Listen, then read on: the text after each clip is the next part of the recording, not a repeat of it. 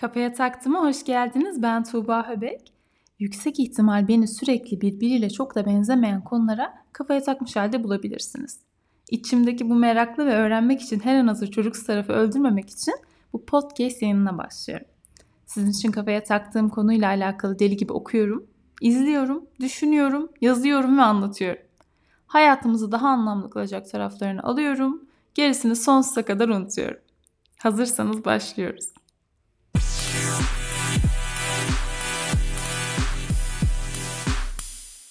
Dünyanın en iyi markalarını yöneten liderler, küçük ailesini korumaya çalışan liderler ve kendi kurdukları imparatorlukları yöneten şeytani liderler. Hiç bunların ortak noktaları olabileceğini düşündünüz mü? Bu ortak noktaların nelere sebep olabileceğini hayal ettiniz mi? Formül aynı ama sonuçlar farklı.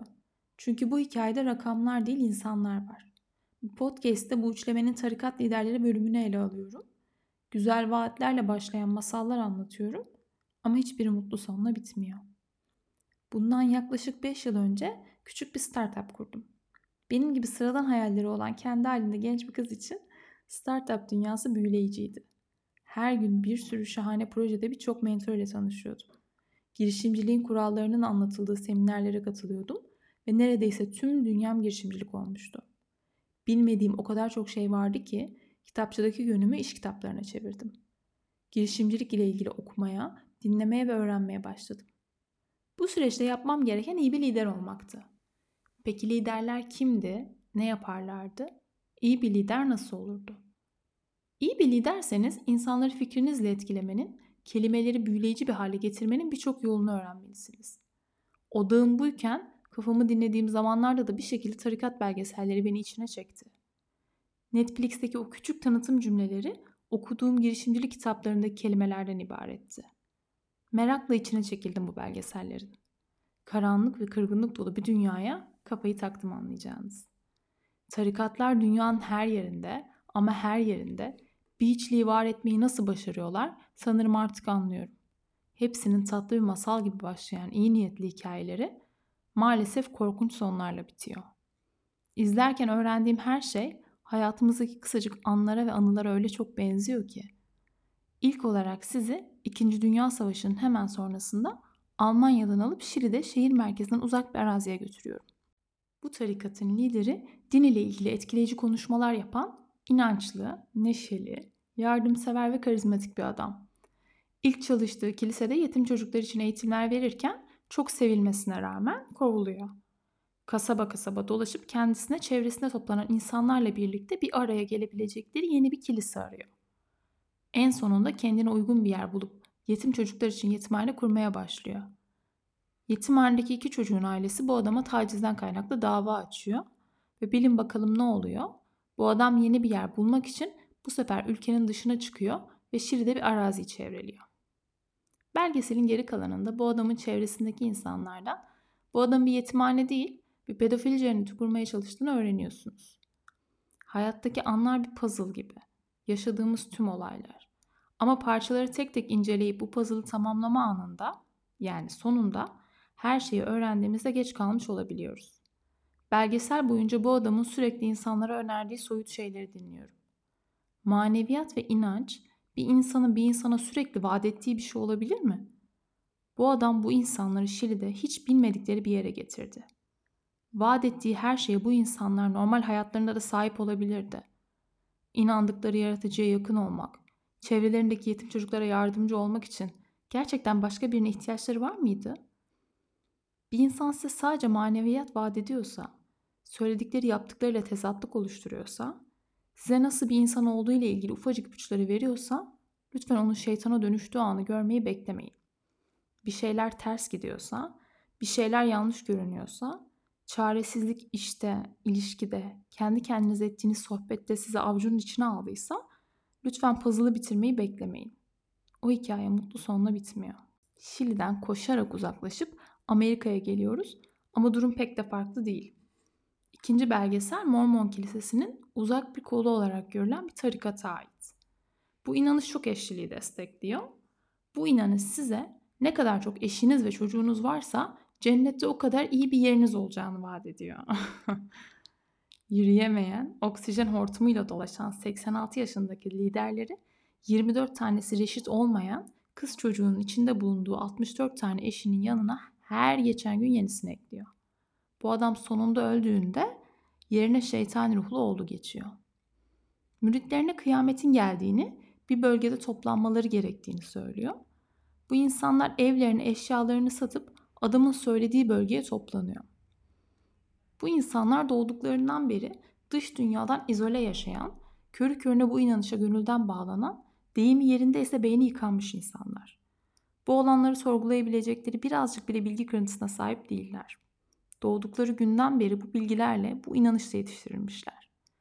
Kadınlara itaat etmeleri gerektiği, böylece cennete gideceklerini vaat edip, bu kadınların doğurdukları çocukları aynı şekilde büyütmesiyle bu insanları bir kısır döngünün içine hapsetmişler. Hikayenin her kısmı izlemeye değer. Bizim için önemli olan yöntemleri ve sonu. İzole bir yaşam mesela. İlk anlattığım belgeselde de Netflix'teki diğer tüm tarikat belgesellerinde de ortak nokta bu. İzole bir yaşam. Aslında uzaktan baktığınızda anlaması çok güç.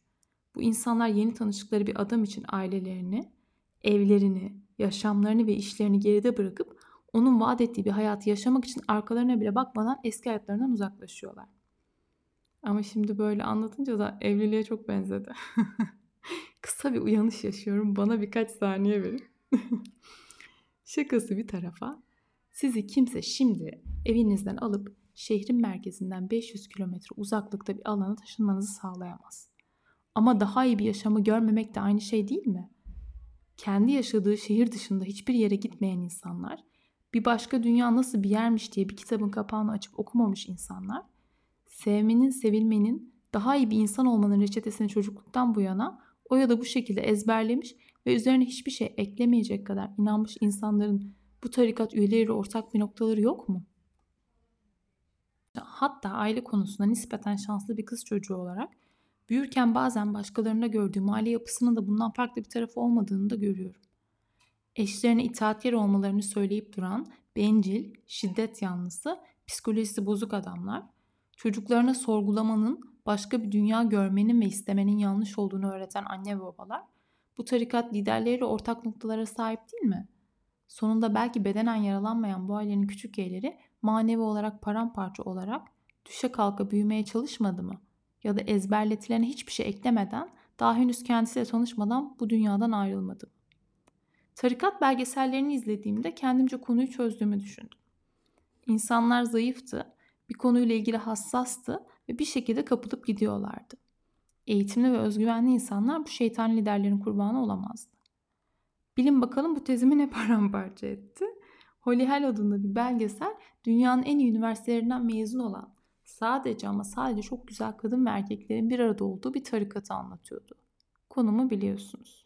Şehrin merkezinden uzak, izole bir yerde güzel ve eğitimli insanların şarkılar söyleyip sohbet ettikleri bir tarikat. Ne kötü olabilir ki?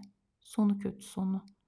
Kompleksli, hayatı boyunca model olmak istemiş ama olamamış tarikat liderleri bu insanları güvenli alanlarından çekip ufak ufak karanlığa hapsediyor. Hikayenin sonu yine tacizle ve kandırılmışlıklarla bitiyor. Bir gün bir toplantı için müftülüğe gitmiştik. Açıkçası biraz gergindim ve biraz da ön yargılıydım. Çünkü zaman zaman gittiğim bu tarz toplantılarda size sadece kadın olduğunuz için yokmuşsunuz gibi davranan çok insanla tanıştım. Bu toplantıda benim için biraz öyleydi. Yanıldım. Gayet modern ve kültürlü bir insandı. Tarikatlarla ilgili sohbet ettiğimizde bize şundan bahsetmişti. İnsanlar bir tarikat üye olmak istemiyorlar. İnsanlar bir şeyin parçası olmak istiyorlar. O kadar haklıydı ki. Bu belgeselin sihrini de bana bu kısa muhabbet çözdürmüştü işte. İnsanız biz. Zayıflıklarımız, acılarımız, yaralarımız ya da tatmin olmayan manevi isteklerimiz var. Bir şeyin parçası olmak, bir amaç için bir arada toplanmak göründüğünden daha büyük bir hedeftir belki de. Kim bilir? Şimdi son duraktayız yani Hindistan'da. Sizi Hindistan'dan alıp Amerika'ya tekrar götürecek bu belgesel kayıp bir hikaye bana göre. Kendinizi şimdi bir kiramın sınıfında hayal edin. Tıklım tıklım koca bir salon, o da gerçekten dayanılmayacak sıcaklıkta ve siz tüm gücünüzle size öğretilen hareketleri tekrarlıyorsunuz. Vücudunuzdaki ter yerlere damlıyor. Bu yoga dersine katılan öğrenciler için tükenmek, bayılmak, kusmak serbest. Tüm gücünüzle sıcaklığın ve egzersizlerin etkisiyle terden sırılsıklam olana kadar çalışıyorsunuz. Nihayet bittiğinde Bikram şahane olan sesiyle şarkı söylemeye başlıyor. Bu yoga gurusu insanları kendi oluşturduğu tekniklerle yoga yapmaya davet ediyor. Size daha sağlam bir vücut, hatta sağlığınızda bir sıkıntı varsa bunu yoga ile tedavi edebilmeyi vaat ediyor. Arınmaya, daha iyi hissetmeye, tükenmeye ve yeniden var olmaya. Burası size bir anka kuşu olma fırsatı veriyor. Bikram gerçek bir yoga gurusu. Bu hikayenin sonunda değişmeyecek. Hindistan'da defalarca yoga şampiyonu olmuş, doğuştan yetenekli bir adam. Sonrasında olimpik ağırlık kaldırmaya başlıyor ve bir kaza sonrası ağırlığı ayağına düşürüyor. Doktorlar bacağının kesilmesi gerektiğini söylüyorlar. Ama ona yoga öğreten hocası onu 6 aylık bir tedavi sürecine alıyor. Günde en az 8 saat egzersiz yapıyor ve bacağını tekrar kazanıyor. Günde en az 8 saat yoga yapıyor. 6 ay boyunca burada öğrendiği her şeyi dünyayı gezerek diğer insanlara deneyimletmek istiyor. Sakat bacakları yoga ile iyileştirmek istiyor. Amerika'da yoganın hiç bilinmediği ya da nispeten az bilindiği bir dönemde popüler oluyor. Yogayı bilen insanlar ondaki tersiyi anlayabiliyorlar ama bilmeyenler büyüleniyorlar ve yoganın büyüsünü Bikram'ın büyüsü sanıyorlar. Bikram aslında gerçek bir lider. Dünyanın en iyi markalarını yöneten insanlarla neredeyse aynı özellikleri taşıyor. Çok çalışkan, doğuştan yetenekli, insanları etkisi altına almayı başaran biri. Yoga ile Amerika'da oluşmuş o küçük fırsatın yerini dolduruyor. Çok para kazanıyor. Kartlarını doğru oynasa saygınlığı ve zekasıyla bir belgesel yayınlatacakken kötülüğe yenik düşüyor. Onun hikayesi ipuçlarıyla dolu. Onun hikayesinin de sonu diğerleri gibi. Karanlık ve kırgınlık dolu. Belgesellerin benim için en etkileyici noktası eski tarikat üyelerinin hışkıra hışkıra ağladığı anlar. Hayal kırıklığı, kandırılma, kullanılma ve gerçekleri görüp katlanamama. O küçük küçük ipuçlarını hatırlayıp bunları yok saydıkları için gerçekten gözünüzün önünde acı çekiyorlar. O küçük ipuçlarını neden yok sayıyoruz? 2 yaşındaki kızın merdivenlerden inerken o kadar sıkı tutunuyor ki düşmemek için. Ona sıkı tutunması gerektiğini henüz ben söylememişken yapıyor bunu. Onu bu kadar sıkı tutunmaya iten şey ne? Hisleri. Hisler insanın iç rehberi. Büyürken dışarıdan gelen bir sürü müdahaleyle nasıl da köreltiyoruz bu kıymetli şeyi. Bir şeyle ilgili huzursuz hissediyorsam oradan arkama bakmadan uzaklaşmalıyım. İster bir yoga sınıfı olsun, ister minibüsteki arka koltuk, isterse zararsız görünen arkadaş ortamı, isterse bazen beni heyecanlandıran, bazen yerin dibinde hissettiğim aşk ve arkadaşlık ilişkileri. İçimde huzursuz bir duygu var olmaya başladıysa onu yok sayamam. Peki neden izole bir yaşam insanlara güven verdi? Anne karnında var oluyoruz. Bu yüzden belki de dört duvar evler herkesten uzakta olan mekanlar güven veriyor. İnsan belki de bilinç altında o kapalı güvenli alanı arıyor. Ama hayat doğduğun an başlamıyor mu? Doğmak ve var olmak aynı kapıya çıkmıyor mu?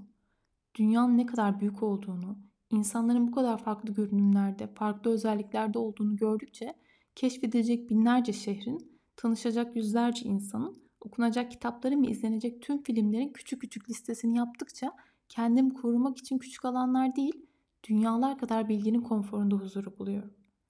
Bilmemenin titrek halini hayatımda istemiyorum.